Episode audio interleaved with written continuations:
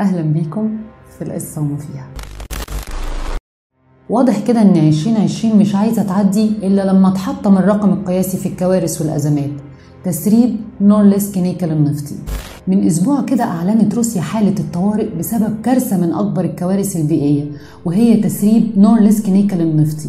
ذوبان جليدي تحت خزان الديزل في محطة كهرباء في مدينة نورلسك في سيبيريا شمال روسيا. أدى لتسريب أكتر من 21 ألف طن من البترول في نهر إمبرنايا ونهر دلديكان القطبي وده كان 29 مايو اللي فات. طبعا الأخبار انتشرت على ال social media كلها. علشان يتفاجئ الرئيس الروسي فلاديمير بوتين بإن في كارثة بالحجم ده في دولته وهو ما يعرفهاش ويعرف من على ال social media بعد ثلاث أيام زيه زينا بالظبط ده إحنا يمكن عرفنا قبله. المسؤولين عن المحطة في الثلاث أيام دول كانوا بيحاولوا يحتووا الكارثة من غير ما يقولوا لحد. التسريب ده حول لون النهر للون أحمر زي لون الدم وحول المنطقة دي والمدن اللي حواليها كلها لواحدة من أكتر المناطق الملوثة على الكوكب كله. إلينا بانوفا نائب وزير البيئة الروسي قالت إن البيئة محتاجة عشر سنين على الأقل علشان تتعافى من الكارثة دي. وطبعا العشر سنين دول هيدمروا البيئة والطبيعة في القطب الشمالي كله. يعني حيوانات هتموت وأنهار هتتلوث وأسماك هتنقرض وأراضي وطيور هتتسمم والجو كمان هيتغير. حتى البشر ممكن يتسمموا ويموتوا. وده مش هيأثر على القطب الشمالي لوحده لأ ده على الدولة الروسية كلها. ده إذا ما وصلش للدول المجاورة كمان. محطة نورلسك هي أكبر منتج للنيكل والبلاتينيوم في العالم كله والحقيقة دي مش أول كارثة بيئية تعملها. ففي 2016 اتسببت في كارثة اتعرفت باسم النهر الدموي واللي حصلت بسبب تسريب غاز أدى لأمطار حمضية دمرت جزء كبير من البيئة وقتها. لكن لو فاكر إن الكارثة دي أول مرة تحصل فأحب أقولك إنها حصلت أكتر من عشر مرات قبل كده. أشهرهم حادثة تسريب البترول في حرب الخليج سنة 91 وكمان حادثة Deepwater Horizon في خليج المكسيك سنة 2010 في حرب الخليج الثانية سنة 91 طيران قوات التحالف المشاركة في عملية تحرير الكويت والمكونة من 34 دولة شنت غارات مكثفة جدا على العراق واستمرت الغارات ل 43 يوم ووصلت عددها ل 110 ألف غارة.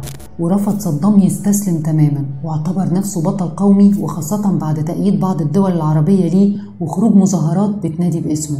فبدأت قوات التحالف تستهدف الطيران ومراكز الاتصال والسفن الحربية والقطاعات العسكرية العراقية في الكويت ومراكز الكهرباء ومراكز تكرير البترول والمواني والجسور والسكك الحديدية العراقية. دمروا البنية التحتية بتاعت العراق كلها.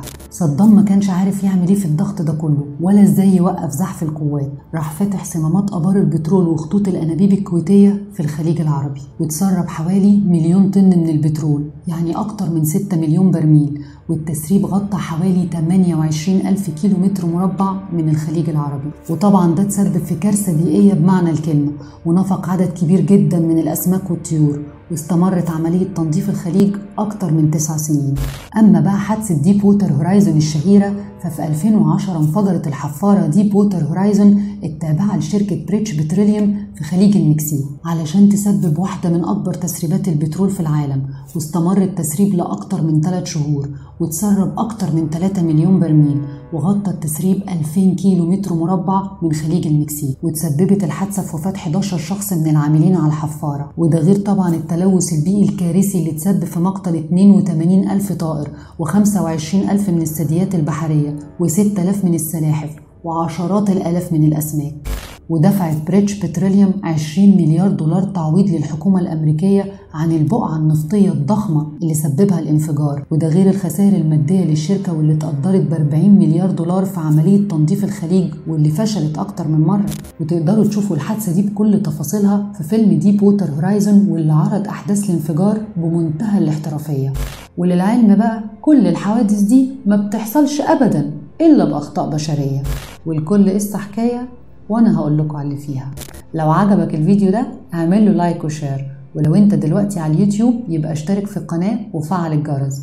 وقولوا لنا في ال comments عايزيننا نتكلم في إيه في الحلقات اللي جاية. كنت معاكم ريهام عيان.